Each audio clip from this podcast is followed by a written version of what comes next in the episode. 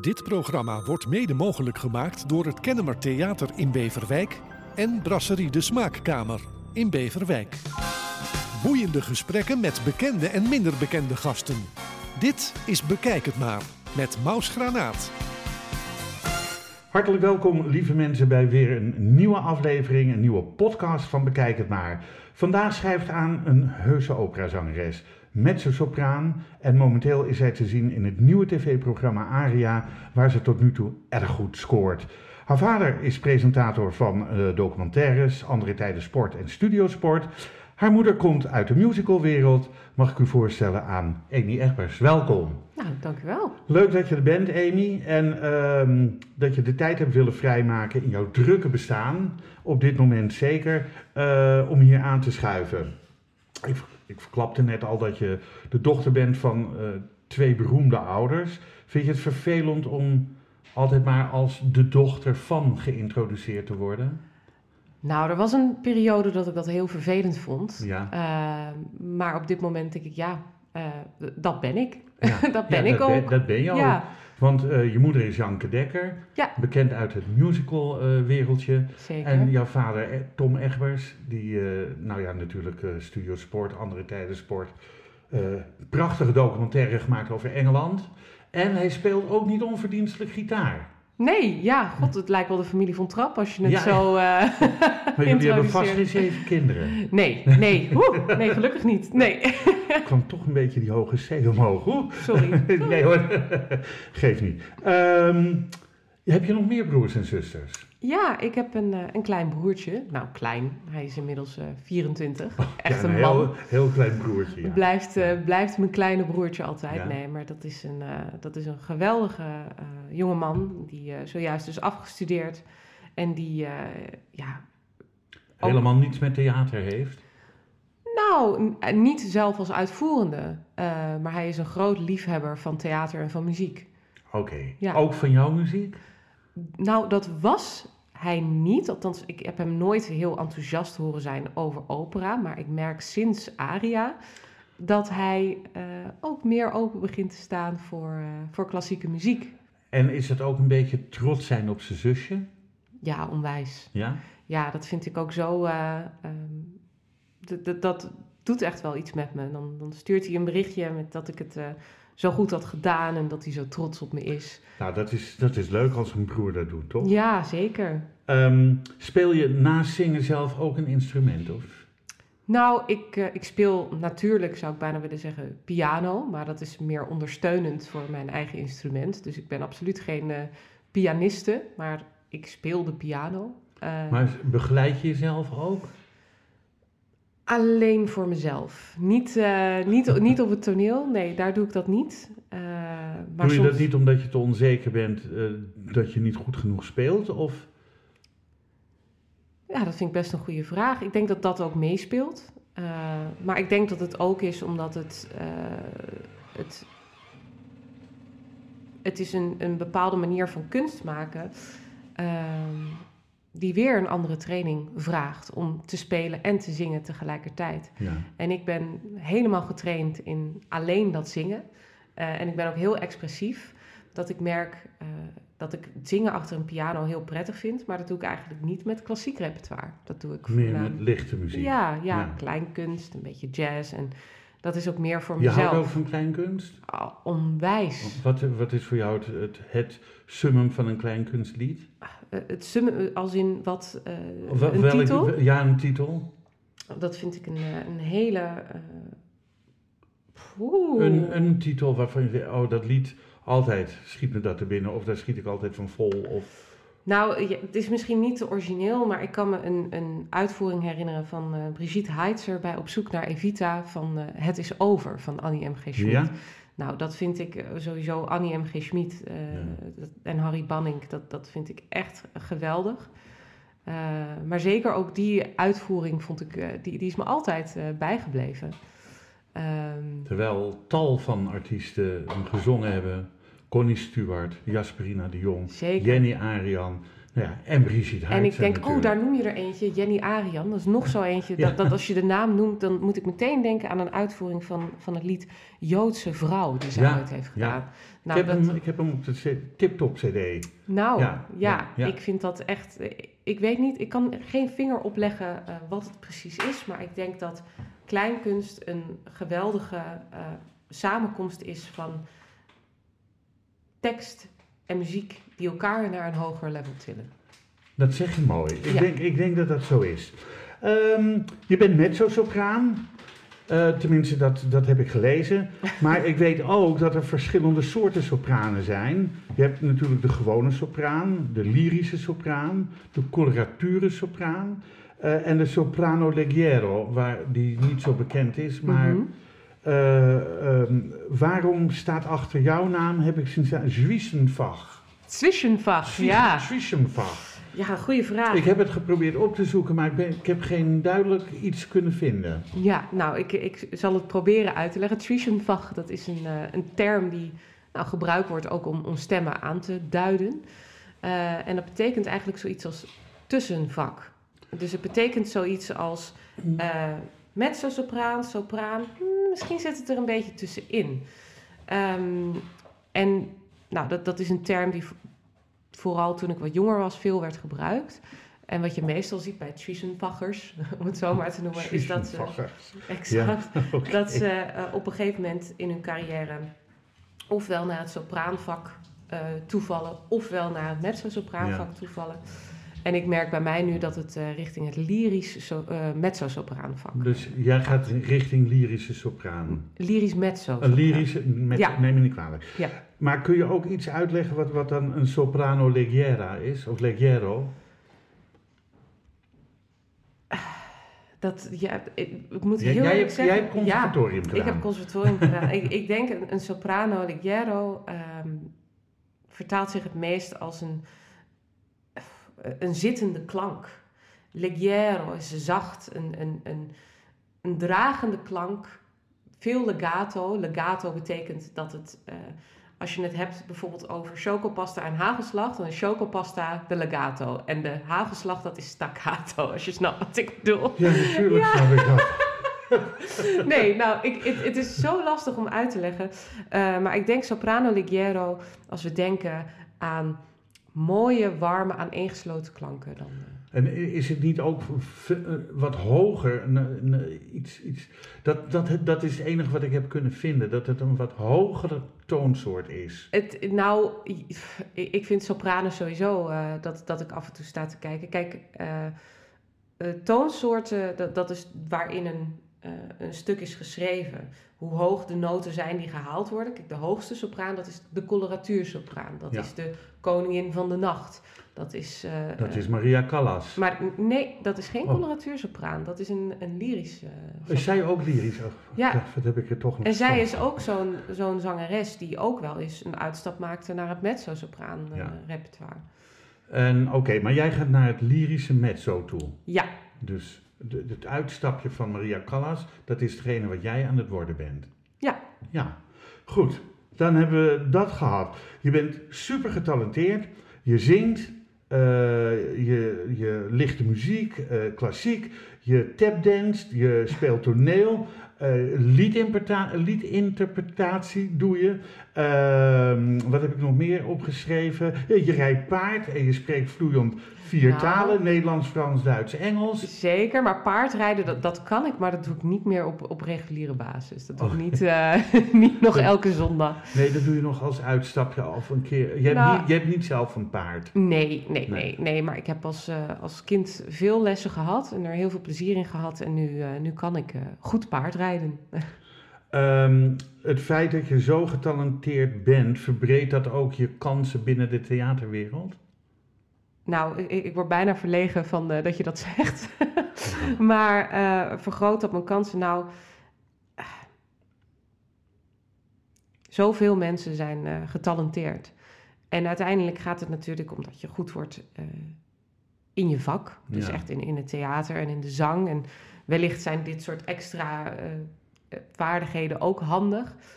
Ik denk, nou, ik denk het niet. Ik ben ervan overtuigd dat het allerbelangrijkste uiteindelijk is dat je een fijne collega bent en uh, gedisciplineerd werkt. Wauw, mooi. Ik denk, ik denk dat heel veel collega's daar blij mee uh, zullen zijn.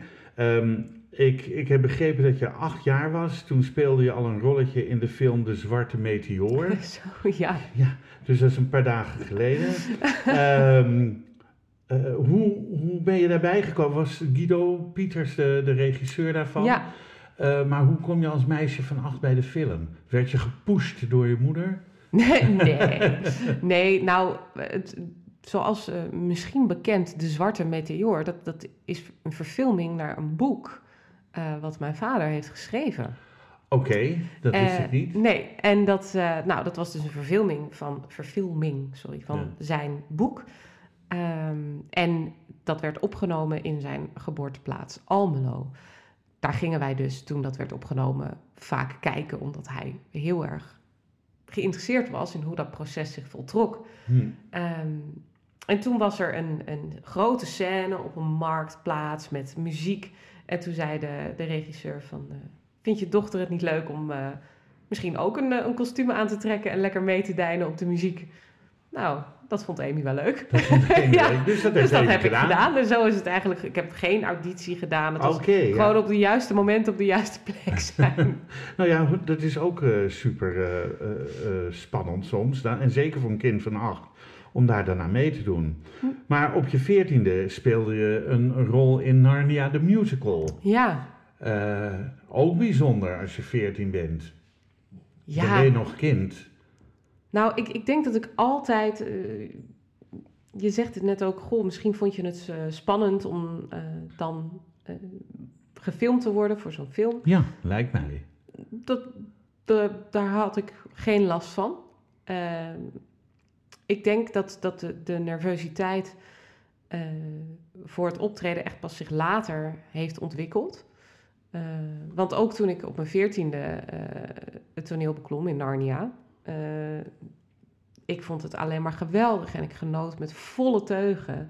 Uh, ik, ik, ben vanaf heel jong door mijn moeder natuurlijk een beetje ja, wel geïnfecteerd met ja. theater.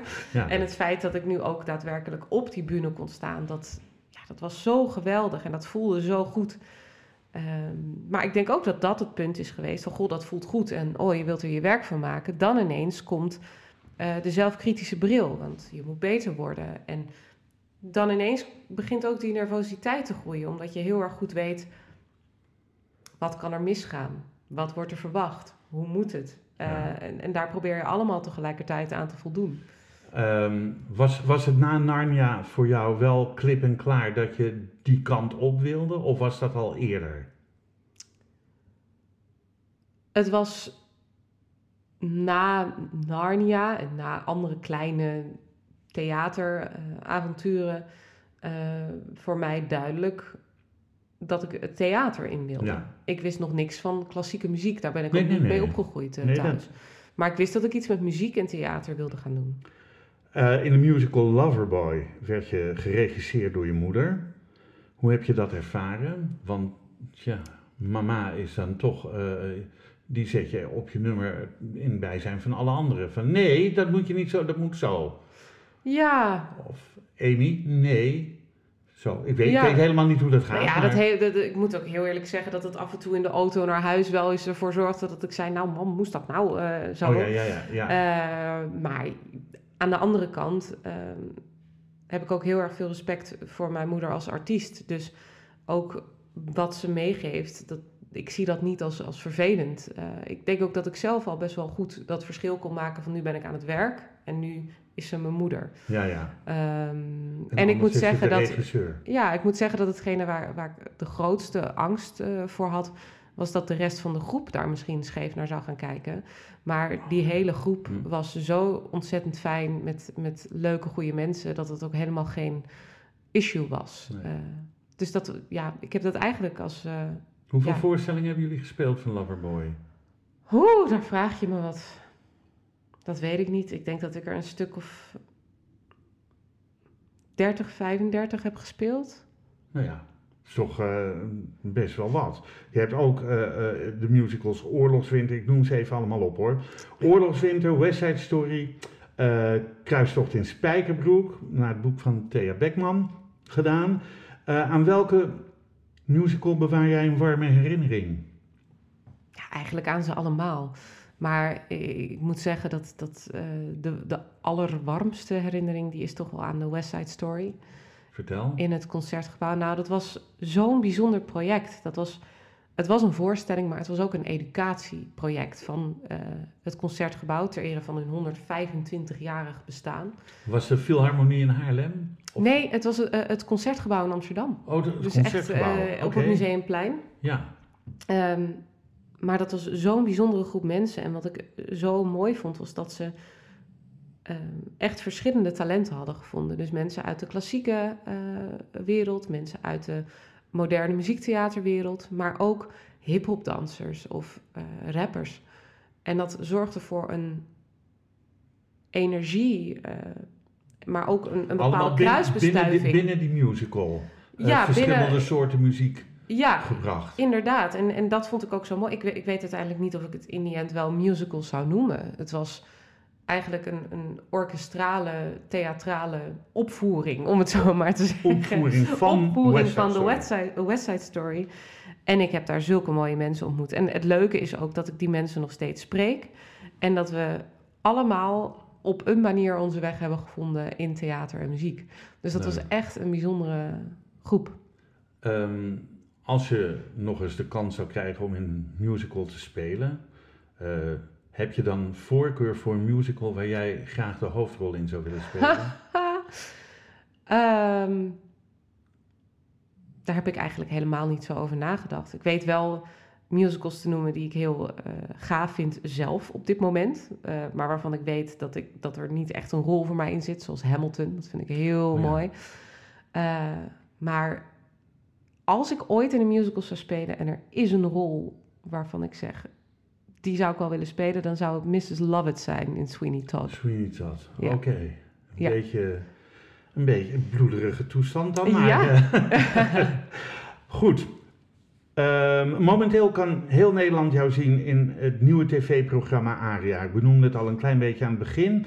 Ehm, weet jij of dat een Nederlands concept is of, komt, of, of heeft Nederland dat gekocht eh, om het hier te mogen uitvoeren? Nou, goede vraag. Ehm, maar zover ik weet, is dit een project wat al lang in ontwikkeling was eh, eh, bij de producenten die het geproduceerd hebben. En dat er in het buitenland niet iets soortgelijks al is geproduceerd. Dus het is echt een nieuw concept. Ja, heel een heel mooi concept. Ik geniet er al weken van.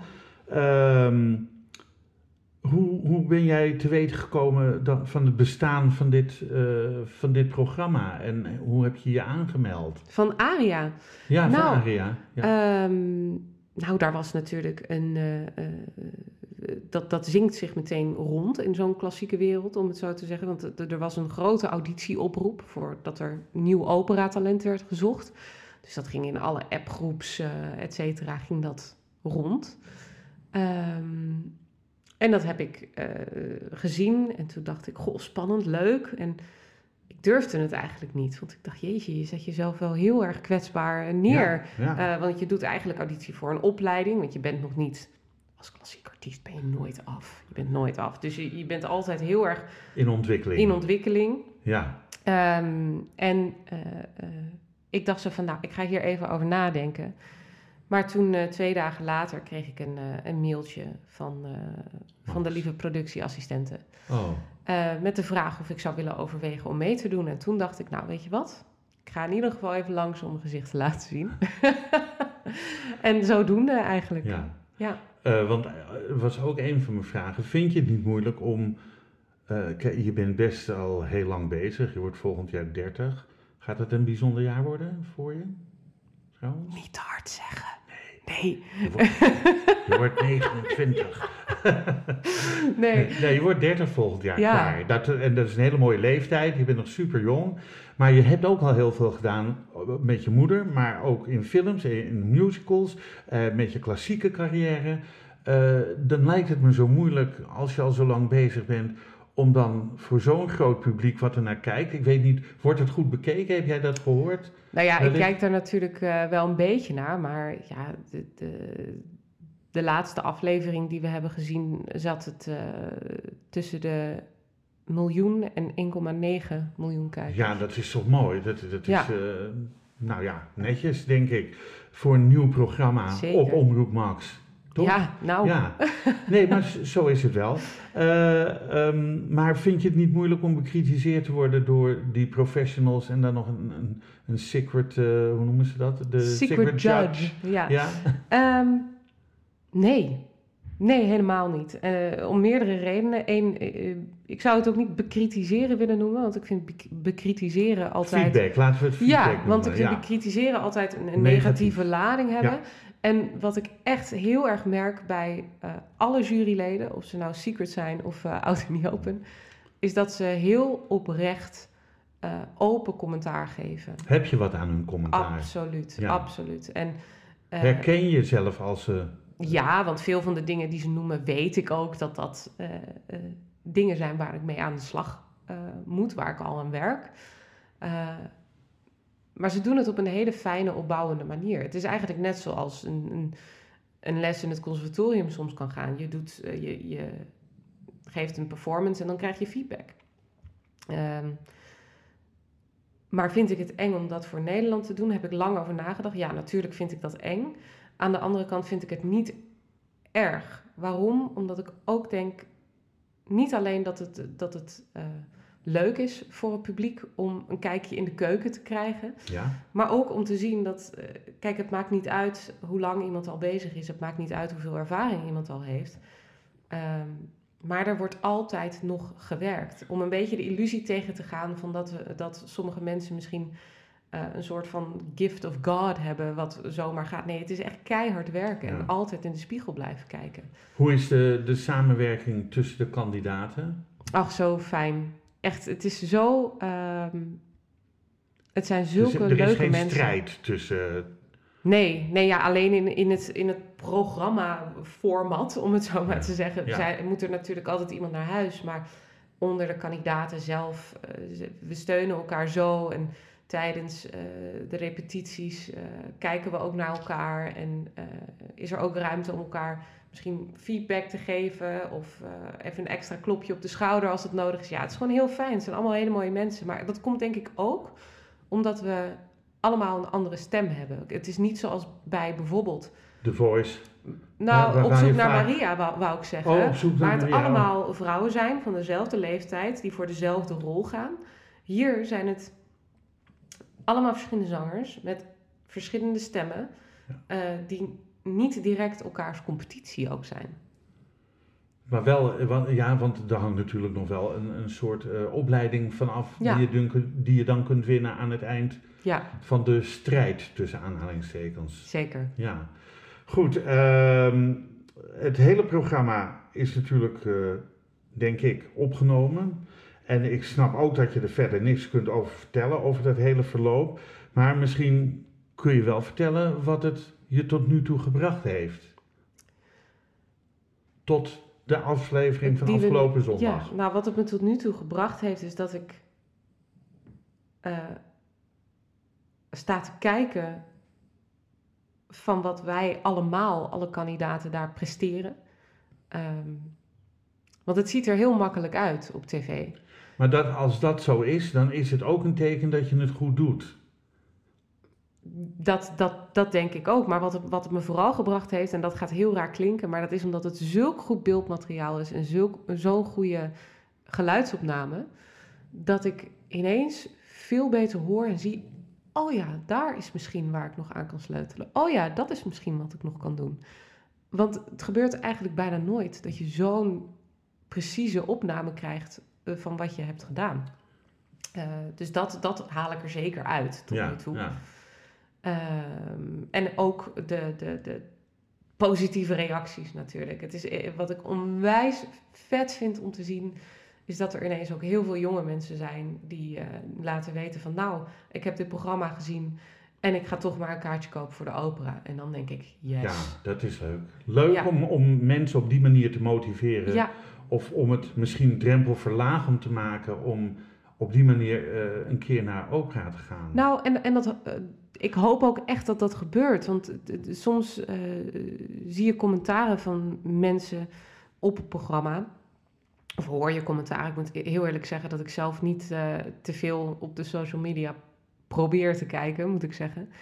Ehm, maar soms hoor je mensen over, over kandidaten, over mezelf of andere kandidaten commentaar leveren. En dan denk je, ja, inderdaad, als je in een klaslokaal op het consortium zou zitten, dan, dan zou dat zijn wat je zegt. Eh, maar ik denk dat we ook niet moeten vergeten dat het vooral een ervaring is. Eh, en dat ik ook gewoon heel erg hoop dat dat een beetje afzwakt. Niet, niet in de trainingslocaties, want daar moeten we zo scherp blijven. Maar ik denk dat de klassieke muziek ook een stuk toegankelijker wordt op het moment dat we er ook een stuk minder streng naar gaan kijken, maar het Mhm. gewoon durven te ervaren. Hoe heet eh, het jurylid in het midden? Nee, ik vind haar ontzettend charmant. Een hele charmante dame Ja. die het allemaal op een hele, op een positieve manier feedback geeft. Ja, ja zij is geweldig. Dat is eh, Rosemary Joshua. Oh ja, Rosemary Joshua. Ik had nooit van haar gehoord, maar ik, eh, nou, ze laat aan het begin natuurlijk wel wat stukjes zien van haar ook. En eh, ik vind het een ontzettende charmante vrouw. En, eh, Het is een echte ster. Ja. Ze is, ehm, eh, het is een sopraan. Het is een Britse sopraan. En ze is het hoofd van de Nederlandse Opera Studio. het Ja. ho- van de Nederlandse Opera Studio. Ja, waar dus de scholarship voor is. Want de studio, dat is dus eigenlijk een opleidingstraject voor eh, zangers die zijn afgestudeerd. En die nog door willen groeien en kleine rollen willen gaan zingen in opera's. Dat is een opera. Is het een soort specialisme wat je gaat ontwikkelen dan? Of? Dus ja, zo zou je het kunnen zien, maar het is eigenlijk een verdiepende opleiding. Het is, eh, eh, je krijgt een opleiding en je krijgt alle faciliteiten die in het operahuis beschikbaar zijn, met de kans om podiumervaring op het grote eh, podium op te doen. En Amy, je hebt je wel op de kaart gezet, zo op deze manier, voor Nederland. Je hebt wel laten zien wie Amy Egbers is en wat ze kan. Nou, bedankt. Ja, nee, maar dat, zo, zo werkt het natuurlijk ook. Ehm, ik heb natuurlijk nog veel meer vragen. Ja, Maar ik moet mijn blaadje. Ehm, eh, oh ja, je hebt ook van niet de minste mensen zanglessen gehad. Van Miranda van Kralingen, van meneer Hoepelman, hoe heet hij? Eh, Edward, Edward ja. Hoepelman. Ehm, hoe was het om van hun les te krijgen? Heb je dat gedaan tijdens je studie? Kreeg je van hun les te- terwijl je studeerde? Of zijn dat lessen die je naast je studie hebt genomen? nee, ik had het, eh, het grote geluk eh, dat deze mensen verbonden waren aan mijn studie. Dus Ah. dat ik bij mijn studie muziektheater klassiek les heb mogen krijgen van een aantal zeer goede docenten. Waaronder Edward Hoepelman, Miranda van Kralingen, Harry Ruil, eh, Maartje Rammelo. Allemaal zeer goede eh, klassieke zangers van eh, Nederlandse bodem. En meneer Hoepelman natuurlijk ook bekend vanwege zijn musical guru lesgeven, om het zo maar te zeggen. Ehm, maar ja, dat, dat, dat was een enorme rijkdom. Ja. Ja, Ik kan me voorstellen. Je hebt eh, ehm, in 2014 de rol gezongen van Bettina in Erich Korngolds Die Stumme Serenade. Mhm. In die Berlijn, eh, wat was het, die Admiraalspalast in Berlijn. ja. Was dat je eerste buitenlandse uitstapje? Los van een eh, verdwaalde eh, oorlogswinter in Antwerpen, eh, ja. ja. Was dat eenmalig Antwerpen in, de, in de Schouwburg in Antwerpen? De- Twee keer, twee, Twee keer keer, hebben we daar gestaan. Ja. Ja, oké. Ehm, hoe was dat? Hoe beviel dat dan om, om zo'n rol daar te spelen ja, in Berlijn? dat was overwhelming. Want dat was mijn eerste klassieke productie. En dat was dus na de West Side Story, waar ik er eigenlijk een beetje achter kwam van... Goh, hmm, misschien past opera beter bij me dan eh, muziektheater. En ik was helemaal weg van de muziek, van het verhaal, van de kostuums, van mijn collega's... die ook allemaal fantastische zangers. Eh een van de eh, zangers die daarin speelde is momenteel... Zerlina in Don Giovanni in de Nationale Opera. Ehm, maar dat was geweldig. En, en zo'n buitenlands uitstapje smaakte ook zeker naar Nee. meer. Eh, daarom ook eh, de Berlin Opera Academy eh, gedaan, natuurlijk. Dus ja, het, het, het was een geweldige ervaring, ja. Ik heb een korte vragenronde voor je samengesteld. Dat is een ronde die ik met elke gast in deze podcast van Bekijk het maar doe. En het is aan jou te bepalen hoe lang het antwoord is. En als daar vragen zitten waarvan je zegt, nou Maus, dat gaat me helemaal niks aan. dan dan Ja. moet je dat ook gewoon zeggen, ja? Dat is helemaal goed. Ehm, wat zou je doen als je het werk wat je nu doet niet deed? Daar heb ik nog nooit over nagedacht. Ehm, ik denk eh, dat ik iets zou doen. Ik denk dat ik dan misschien opera-regisseur zou worden. Is dat een, eh, een antwoord? Zou, ja. Het zou kunnen, ja. Misschien, Ja? misschien dat je dat... eh, En als we helemaal de andere kant op gaan, ik geniet ontzettend van eh, Zweedse en Britse detectives. Dus dan zou ik eh, forensisch onderzoeker worden of zo. Ehm, is er een compliment wat je ooit gekregen hebt, wat je altijd is bijgebleven?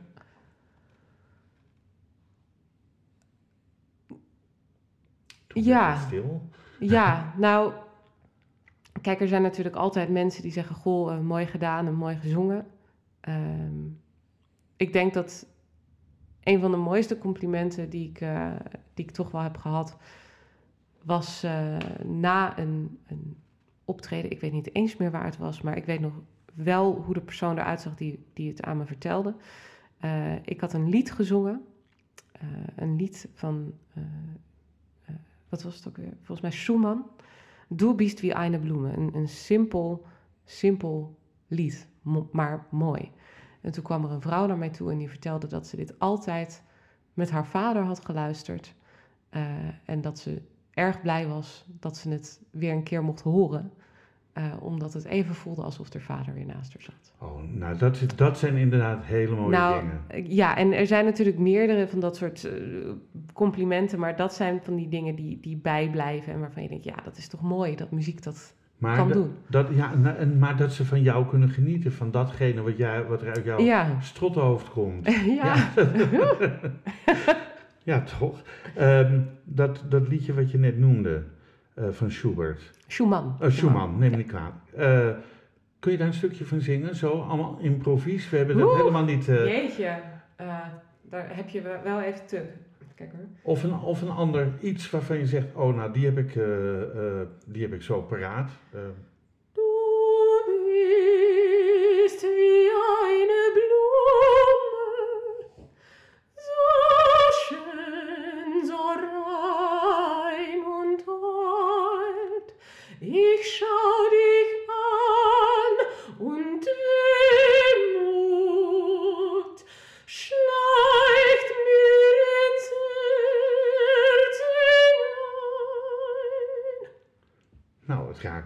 Al.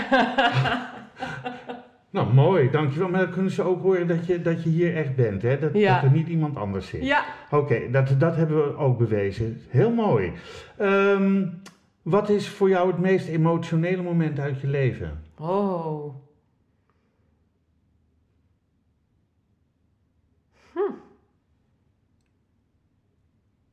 Je kan niet zeggen de geboorte van je kinderen Nee. of, of je huwelijk. Nee, Nee, want dat heb ik eh, niet. nog niet. Nog niet? Nog niet. Het meest emotionele moment uit mijn leven. Nou, er gebeurt zoveel in iemands leven. Dat ik, eh, en, en nu ga ik iets heel raars zeggen, maar ik zou eigenlijk geen moment het meest emotionele moment willen noemen, omdat ik dan misschien alle andere momenten minder eer aandoe dan ze verdienen. Je bent uiteindelijk een samenkomst van alles wat je overkomt. Eh, wat ik me eh, wel kan zeggen is dat ik. eh, het he- heel erg aangedaan ben als er iets met familie dreigt te zijn. Dus het verliezen van grote ouders vond ik heel moeilijk. Ehm, Je hebt geen grootouders meer? Nee, helemaal niet. Eh, en toen mijn eh, vaders gezondheid tijdelijk minder was, vond ik Ja. dat ook heel moeilijk. Ja. Eh, dat zijn toch wel momenten die, ja, die ik heel, als heel heftig heb ervaren. Maar het gaat nu heel goed met hem. Het toch? gaat nu hartstikke goed Ja, met hem. Ja, nee, hij... Hij floreert als nooit tevoren. exact, ja. Is er een karaktertrek van jou waarmee je een ander tot wanhoop kunt drijven? Ja, zeker. Ik ben heel koppig. Koppig. In Ja. de zin van? Nou. ehm, Want als ik je net hoor zeggen van dat de feedback van de jury in het programma Aria, dat je zegt, oh ja, maar daar kan ik wat mee. Dat, dat je niet denkt, ja, doei, dat heb ik, dat heb ik al eh, zo Ja. goed geoefend, dat, dat heb ik best onder de knie, wat je nu zegt. nee, dat, Maar- dat, dat klopt. Maar ik denk dat dat daarom misschien juist des te frustrerender is. Want de- die koppigheid heb ik ook niet in mijn, in mijn werk. Maar ik kan koppigheid of... ehm, waar drijf ik anderen nou mee tot wanhoop? Ja, ik denk toch echt dat dat, dat, dat is dat ik eh, op het moment dat ik denk dat iets op een bepaalde manier moet gebeuren, dan kan ik er niet van overtuigd worden dat het anders zou kunnen zijn. Ja. Dus dan moet ik het eerst zien dat het misgaat en dan doe ik het pas anders. Ja, ik, weet, ik kan het niet beter Je omschrijven. moet het eerst zelf ervaren Ja. voordat je aanneemt van een ander dat het echt zo is zoals Exact. de ander zei dat het zou zijn. Eerst zelf in die zeven sloten lopen en dan, eh, ja. Ehm, als je iets aan jezelf zou mogen veranderen, wat zou je dan veranderen?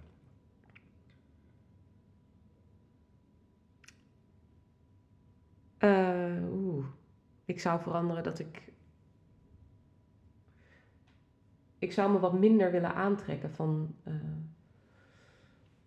negatieve, niet opbouwende kritiek. En dat raakt me soms nog wel. Dat is toch eigenlijk wel logisch dat dat je raakt. Ja, maar ja. Als het iets is van wat jij gedaan hebt en een ander heeft daar eh, ongenuanceerde kritiek op, dat is niet leuk. Nee, nee. En, het, het- maar ik zou liegen op het moment. eh, kijk, ik weet hoe ik ermee om moet gaan. Laat ik het zo zeggen. Het is niet iets dat ik er eh, slapeloze nachten van heb. Maar eh, soms raken dingen je wel. Ehm, en ik zou gewoon willen dat ik daar van tevoren veel selectiever in zou kunnen zijn. Is er een manier waarop je je daar tegen zou kunnen wapenen? Nou, dat, dat doe ik al op een, op een manier. In de zin van dat ik de, de kritiek waar ik het over heb van zo'n jury. Ik kies wel eh, van wie ik de kritiek aanneem. En- zo heb ik de jury in, in het programma.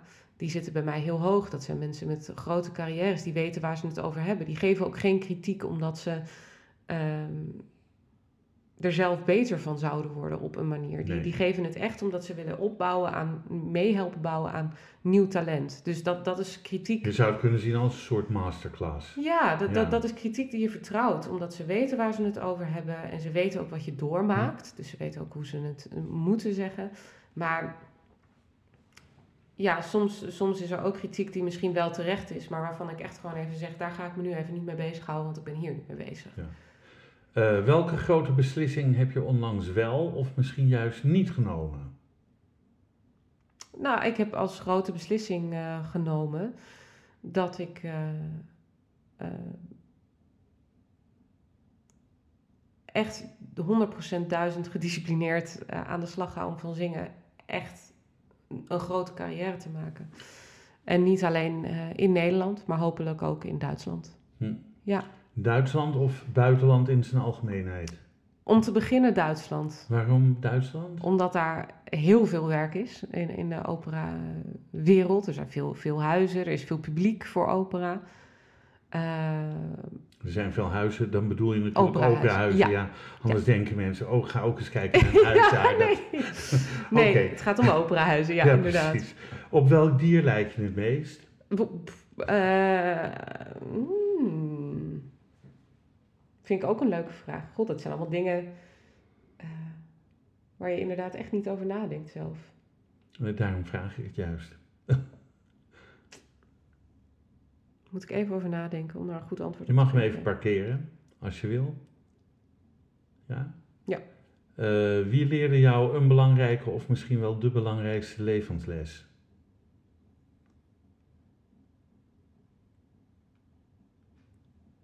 Zie een heel klein glimlachje komen. Ja, het is natuurlijk een podcast, dus er, er, er moet iets eh, te horen zijn. Maar Ja. ik, ik, eh, ik heb zoveel waardevolle dingen geleerd. Nou, Eh, je hoeft er maar één te noemen.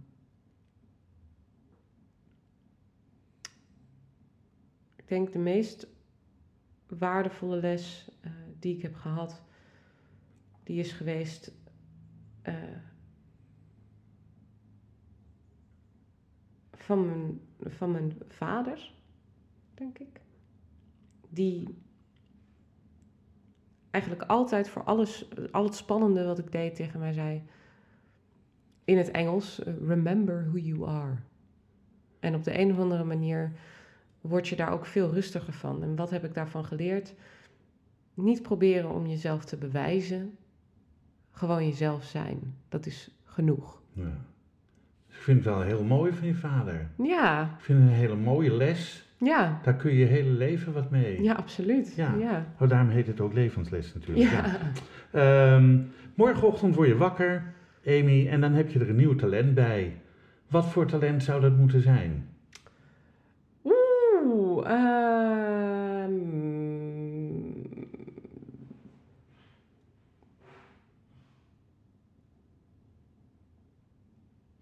Nou. Ja, ik vind dit heel lastig. Wat voor talent zou dat moeten zijn? Ik zou heel graag ehm, eh, eh, goed, eh, en dat gaat heel raar klinken, maar goed programma's willen maken. Dus formats kunnen maken. De- als, als creatief persoon ben je heel creatief. maar ik zou dat ook op beeld willen kunnen overbrengen. Op wat voor manier dan ook. Dus dat ik meer in beelden ga denken dan in klanken en in... Nou, maar dat is toch mooi? Daar kun je, daar kun je gewoon wat mee. eh, als je straks eh, in Duitsland zingt, dan heb je het zo druk daar. En dan kan je gewoon in je vrije tijd denken, oh, ik ga het weer even op beeld brengen. ja. Dat wordt een leuk Ja, format verzinnen. Ehm, met wie zou je graag een dag willen ruilen? Eh, ik zou graag een dag willen ruilen met.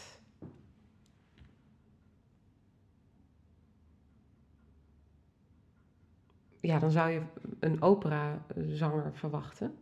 Nee, ik verwacht Ah. gewoon Ik zou wel eens een dag willen ruilen met Maxima. toch. Ja, En, maar dan lig je wel heel erg onder de loep, hè? ja maar ik ben wel heel benieuwd. eh, Je kan zelfs niet aan je neus zitten, want dan zeggen ze, Maxima zit de hele tijd in de neus te pulken. Ik, ik kan amper dit doen, want ik bedoel, dat wordt gewoon, alles wat je doet wordt uitvergroot. ja, Waarom wil je met haar ruilen? Omdat, eh, nou, zij is een, zij is een, eh, een vrouw. Ze, oogt heel sterk. Eh, zij heeft drie kinderen, drie dochters op de wereld gezet. Ze is vrouw van een koning, komt uit Argentinië. Ik ben gewoon heel benieuwd hoe, hoe haar interne dialoog werkt. En hoe een dag van haar eruit ziet. Want het ziet eruit, ze is super charismatisch alsof dat heel makkelijk en vanzelf gaat. Maar volgens mij gaat er heel veel voorbereiding aan vooraf. Ja, het lijkt me geweldig om dat eh, een keer te mogen meemaken. Nou, wanneer heb je voor het laatst gehuild en waarom? Nou, ik denk dat, dat de, de, de vreugdetranen toen ik door was natuurlijk in een programma. eh, dat, dat, dat is elke keer zo'n ontlading. Omdat je echt denkt van... Je denkt nooit van jezelf dat je... Maar het is ook heel leuk om je ouders te zien dan. Ja. De, de trotsheid op hun gezicht. Ja. Dat ik denk van, oh, nou is het toch heerlijk als je kind daar staat en gaat gewoon door naar de volgende ronde. Ja, ik Dat moet ook zeggen dat het ook wel heel fijn is dat ze zoveel eh, steun en support bieden. Ehm, wat is jouw leukste herinnering van vroeger? Wat stel je moeilijke vragen? Eh, mijn leukste herinnering van vroeger. Mensen moeten je toch een beetje leren kennen. Dat is, Ja, nou, ik denk dat mijn leukste herinneringen toch echt eh, eh, van de middelbare school zijn. Ik, ik ben een enorm sociaal dier. eh, en ik hield gewoon van, van, van feestjes.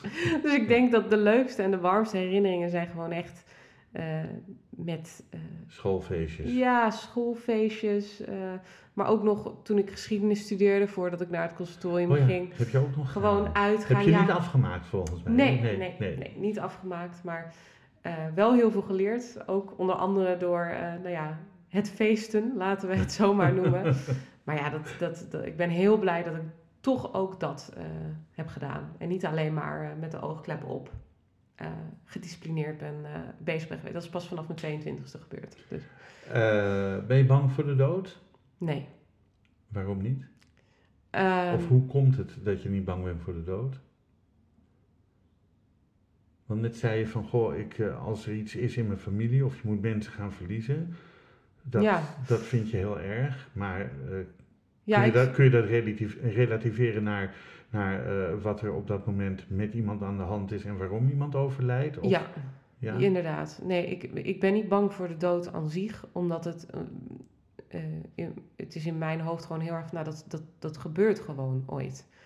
Het enige waar ik wel bang voor ben, is, is het aspect van de dood dat het vroeger komt dan het zou moeten en dat er dan dingen niet af zijn.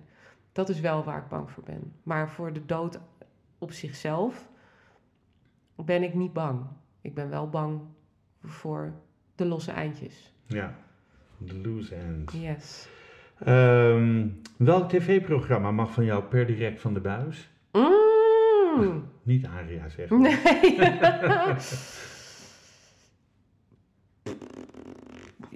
oh. Ik kijk eigenlijk helemaal niet zoveel tv. Nou, dat geeft niet. Je hoeft, je hoeft er geen antwoord op te geven. Nee ik, eh, nee, ik kijk helemaal niet zoveel tv. Maar ik zou zeggen, er, er wordt heel veel. eh, er wordt heel veel hetzelfde gemaakt. Zoals? Nou, er zijn heel veel talentenjachten en er Ja. zijn heel veel talkshows. En dat eh, maakt denk ik ook automatisch dat je er minder naar kijkt, omdat het minder relevant is, omdat er zoveel is. En ik denk gewoon dat, joh, laten we daar eens even goed naar kijken en gewoon de beste formats houden en de rest gewoon eh, parkeren. Parkeren. Ja. Oké. Ehm, hoe zie je... Nee, wat, wat is jouw guilty pleasure? Eh, Je bedoelt wat ik, wat ik het liefste Doe, doe? stiekem wat, wat waarvan je denkt, hè, een, een heimelijk genoegen. Oh. Ik vind. eh, nou ja, eten heel fijn. maar dat is niet echt kind, dat is gewoon normaal. Ehm, maar ik, ik kerstmis. Kerstmis is... Ik ben echt kerstgek. Echt, het, is- eh, nou, het is nu eh 3 november. Ja. Ik eh, ben Staat al... die al, de boom? Dat nog niet. Nee, daar ben ik wel heel streng in. Dat, dat, dat mag niet te vroeg.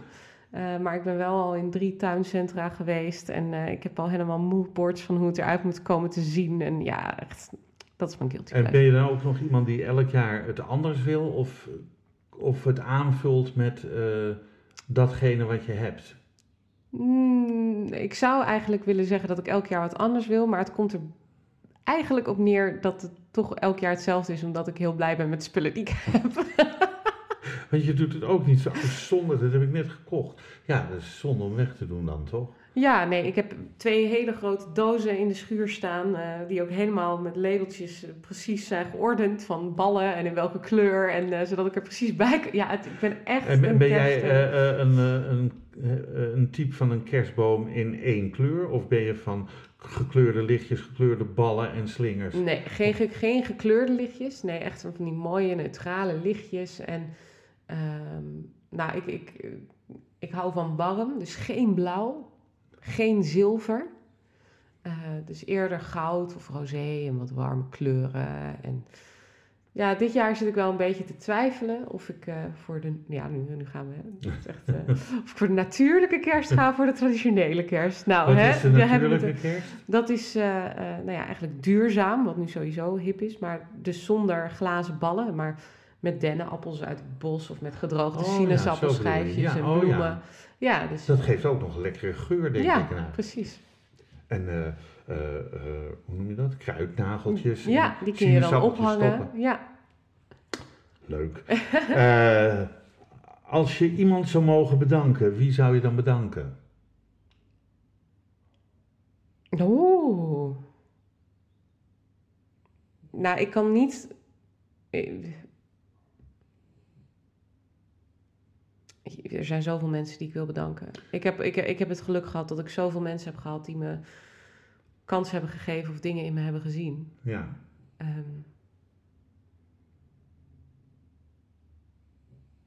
ja.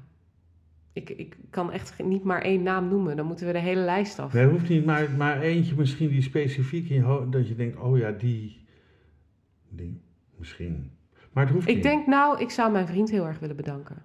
Oké, Eh, vertel. Nou, Hoe heet hij? mijn vriend heet Caspar. Kasper. Ook nog een leuke naam. Ja, ook een hele leuke man. Eh, en Caspar is eh, een geweldige vriend. Hij, is heel, hij steunt me heel erg. Hij is zelf geen artiest, ook niet artistiek, ook niet muzikaal. Maar hij, is, hij, hij begrijpt of hij ziet wat ik doormaak en wat ik doe. En hij weet precies wat ik nodig heb en wanneer ik misschien eventjes dat, dat extra duwtje nodig heb of een extra knuffel of wanneer hij even een week uh, de afwas doet, dat soort dingen, weet je wel.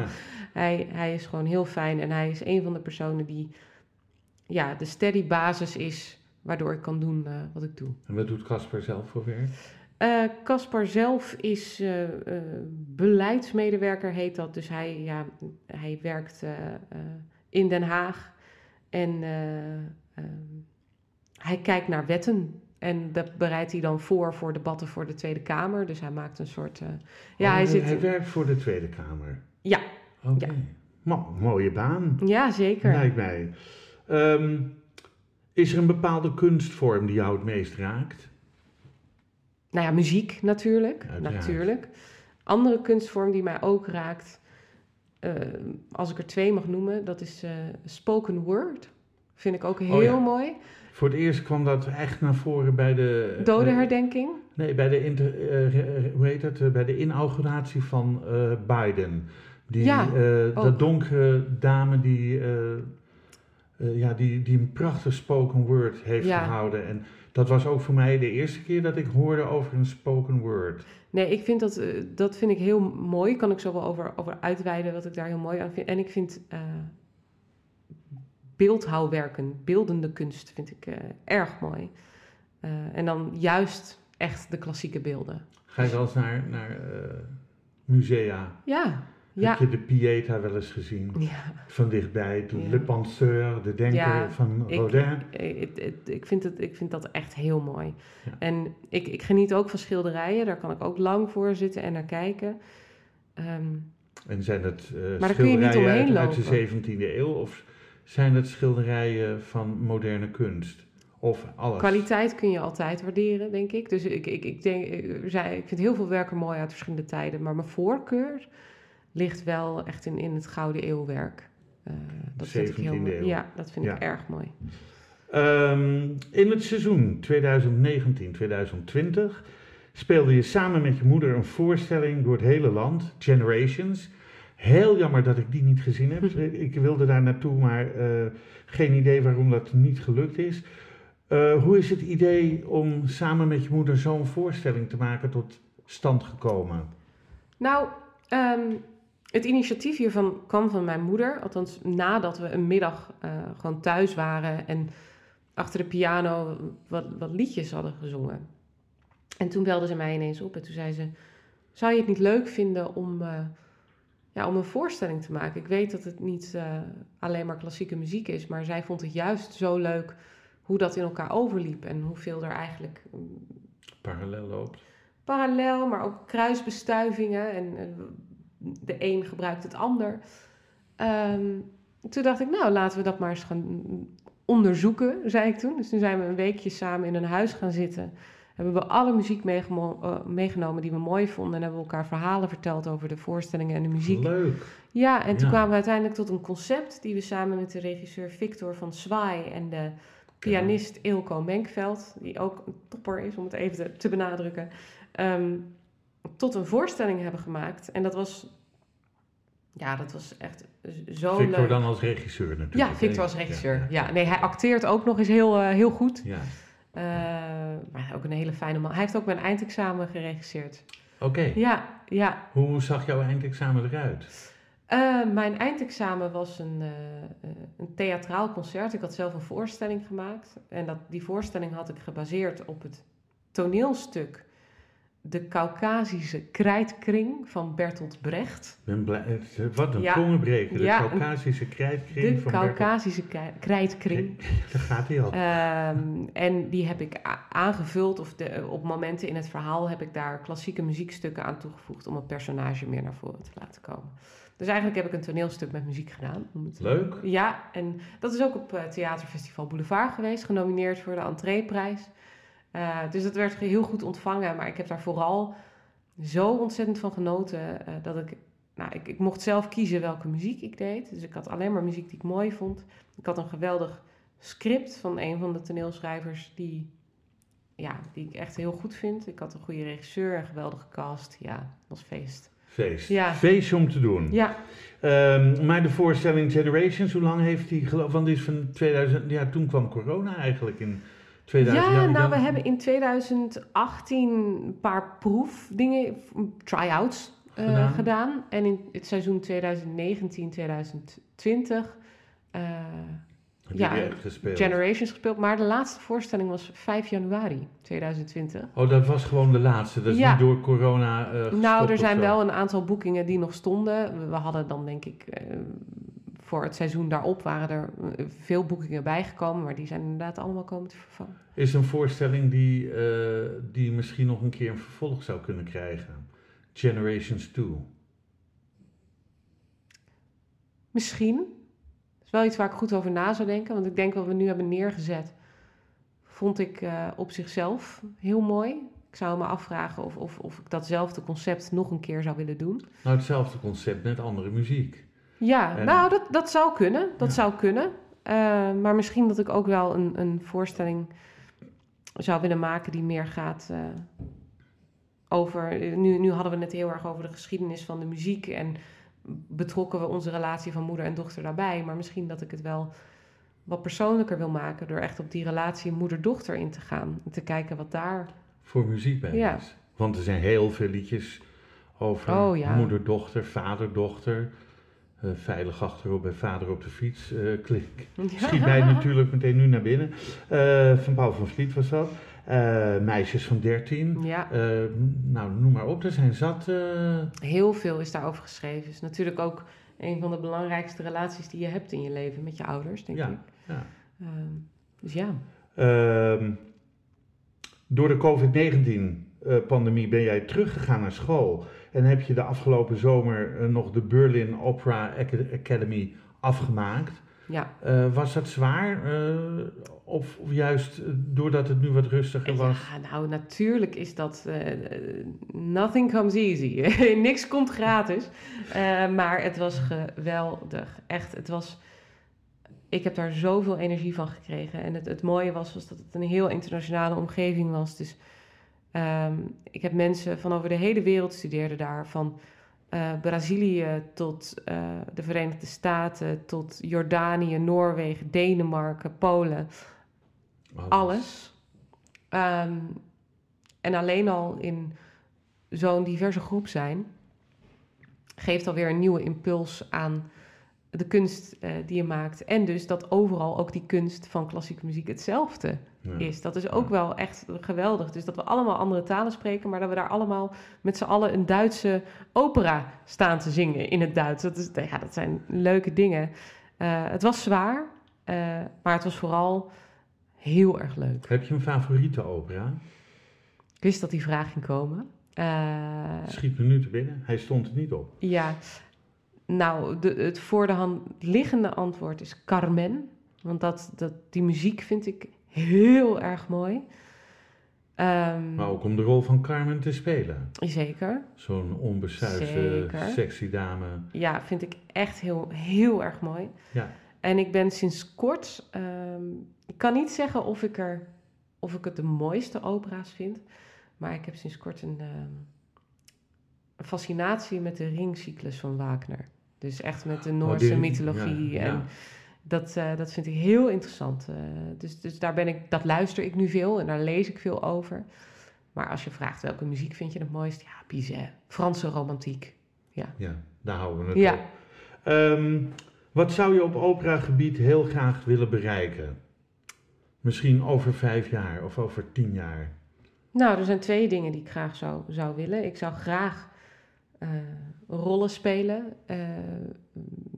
die bij me passen in, in grote huizen. Dus ik zou graag een, een, eh, een Charlotte in Werther spelen. Ik zou graag een Carmen spelen. Ik zou graag een Cherubino spelen. Cherubino en Carmen, eh, die ik ook heb gezongen bij Aria. Ehm, ja, ik, ik, daarnaast zou ik het ook heel mooi vinden om buiten in dat, eh, de traditionele operawereld, laten we het zo noemen, om opera ook wat Aria eigenlijk doet, bij het grotere publiek te brengen en het minder ingewikkeld te maken dan het is. Hm. Eigenlijk wat Francis van Broekhuizen ook doet. Ja, ja. Die brengt met haar humor, eh, vind ik, de drempel zo laag. ja. eh, dat, zij is ook zo leuk. Ja, ze, Ja. ze is enig. Ja, Ja. i- zij doet dat ook heel goed. En ik denk dat we gewoon veel meer mensen zoals eh Francis nodig hebben. Ehm, Om opera toegankelijk te maken voor mensen die daar... ja, Normaal niet zo gauw naartoe ja, zouden gaan. Want er zit zo'n stempel op dat het elitair zou zijn of moeilijk. En dat, dat is zo zonde, want dat is het niet. Het is niet moeilijk en het is Het niet komt elitair. echt van... Die zucht kwam vanuit je teen. Ja, ja. Ehm, heb je een website? Ja, natuurlijk heb ik een website. Dat- Noem hem. nou, dat is gewoon mijn naam. Dus eh amyegbers.nl. Nou, hoe makkelijk kan het zijn? Dan kunnen ze je volgen, dan kunnen ze zien wat je doet, wat, je doet, wat je gedaan Op hebt. Instagram ook, eh, ook goed te volgen. Oké. Ehm, wat is je grootste blunder? Oh ja, dat weet ik wel hoor. Die, die schiet me de- nou, kijk, zie je dit verschil? Ik moet heel lang nadenken over antwoorden. Maar als het gaat over dat ene ding wat ooit fout is gegaan, die blijft je altijd bij. Eh, ik weet dat ik een optreden had in IJsselstein. eh, en ik eh, zong Carmen. En dat was nog in de hele erge zwischen periode Dus wordt het sopraan of de mezzo. tussen- De tussenvak. Dus eh, ja, ik zong ook nog echt eh, veel hogere stukken. En ik had al een aantal stukken gezongen. En op een gegeven moment dacht ik aan het einde van Carmen... voor de muziekkenners, de eindnoot in Carmen, dat is een G.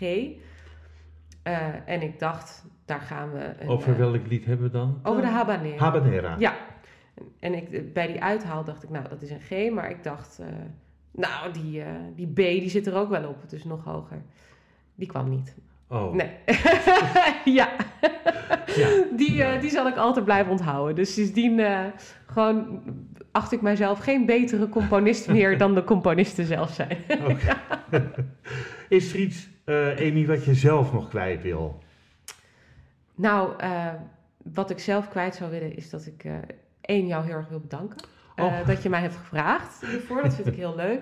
En twee, ik hoop gewoon dat mensen ehm, warm gedraaid zijn weer voor theater, eh, muziektheater, maar dus zeker ook klassiek muziektheater. En dat programma's zoals Aria eh, mensen ook aanzetten om misschien eh, een keertje te gaan kijken. Maar ook Maestro is zo'n leuk, eh, ja, zo'n leuk programma. Ook met klassieke muziek. Maar wel weer, eh, eh, ook om mensen warm te maken. Oh, dat klinkt eigenlijk wel heel mooi. ja, Toch? ja. Ja. Nou, dan wil ik jou, Amy Egbers, enorm bedanken voor het fijne gesprek. En je heel veel succes toewensen voor de toekomst, whatever it may be. En als het maar is iets wat jij graag wil. Eh, de podcast waarnaar u heeft geluisterd wordt uitgegeven door de Vrijstaat Roots. Alles is na te lezen op www.bekijkhetmaar.com. Bedankt voor het luisteren en wat mij betreft heel graag tot de volgende podcast. Dit programma werd mede mogelijk gemaakt door het Kennemer Theater in Beverwijk en Brasserie de Smaakkamer in Beverwijk.